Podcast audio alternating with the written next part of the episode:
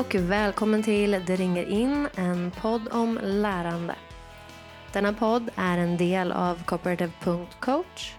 Jag heter Jenny Wilson och idag ska vi prata om den magiska högläsningen. Min absoluta favoritsak att göra med elever är att läsa en spännande bok. Det är något magiskt med att tillsammans uppleva en berättelse.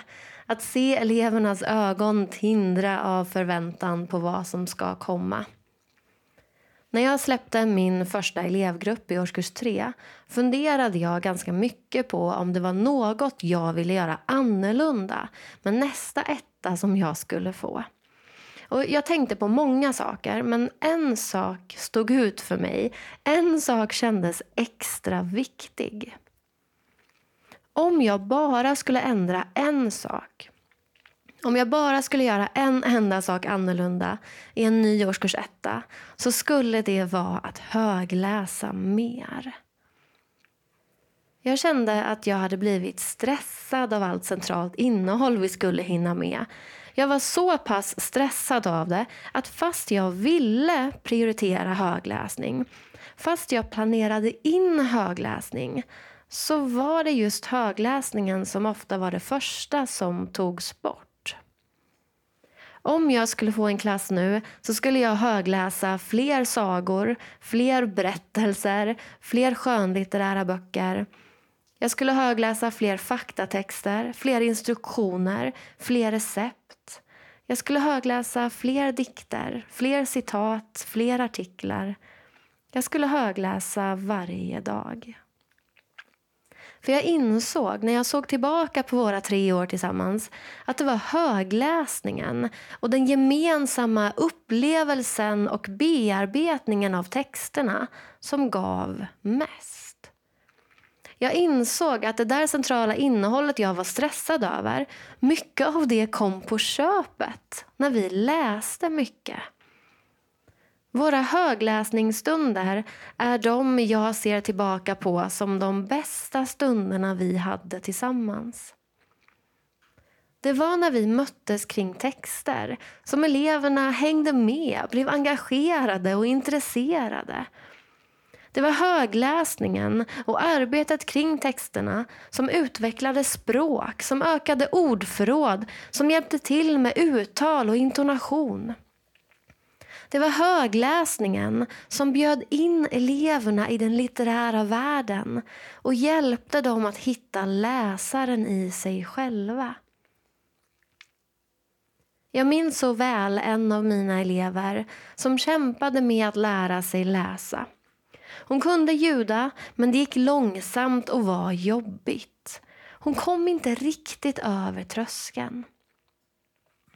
I årskurs två högläste vi boken Min trädkoja med 13 våningar. Det är en rolig, tokig bok, mycket bilder. Vi skrattade, förundrades och sträckte ut vår fantasi längre än vi trodde var möjligt.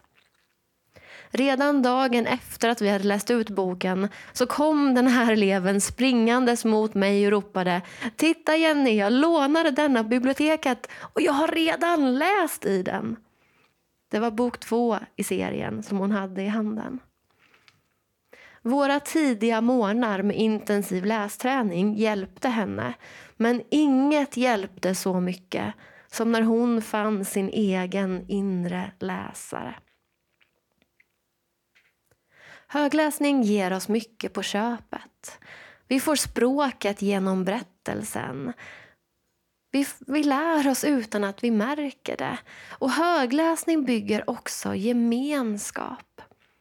I den gemensamma upplevelsen kring texten kan vi komma varandra närmare. Det märks lika mycket när jag läser godnattsaga för mina syskonbarn på kvällen som när jag läser med elever i skolan. Den för oss nära varandra och bygger gemenskap. Högläsning är inte bara bra innan elever kan läsa själva. Även när de kan läsa behöver vi läsa högt för dem. Det skapar närhet och positiva känslor att bli läst för. Ann-Marie Körling skriver i sin bok Den meningsfulla högläsningen, en bok som jag verkligen rekommenderar. Eh, hon skriver att, citat, min son hade fått en högläsande lärare i årskurs 9. Han gillar oss, sa min son. Hur vet du det? frågade jag. Han högläser. Slutcitat. Högläsning visar att vi bryr oss om våra elever. Underskatta inte högläsningen. Högläs för alla åldrar, högläs ofta, högläs alla typer av texter. Det är inte bara skönlitteratur vi kan högläsa. Att högläsa första stycket i en faktatext kan hjälpa eleverna att komma in i texten. Att högläsa en kort notis från dagstidningen kan väcka nyfikenhet inför omvärlden eller ett specifikt ämne. Högläs ett citat, en dikt kopplad till ämnet eller en kort text av något slag. Högläs stycken ur elevernas egna böcker. Du kan också högläsa något helt annat som inte är kopplat till någonting som har med skolan att göra som du tyckte var intressant och ville dela med eleverna, bara för att.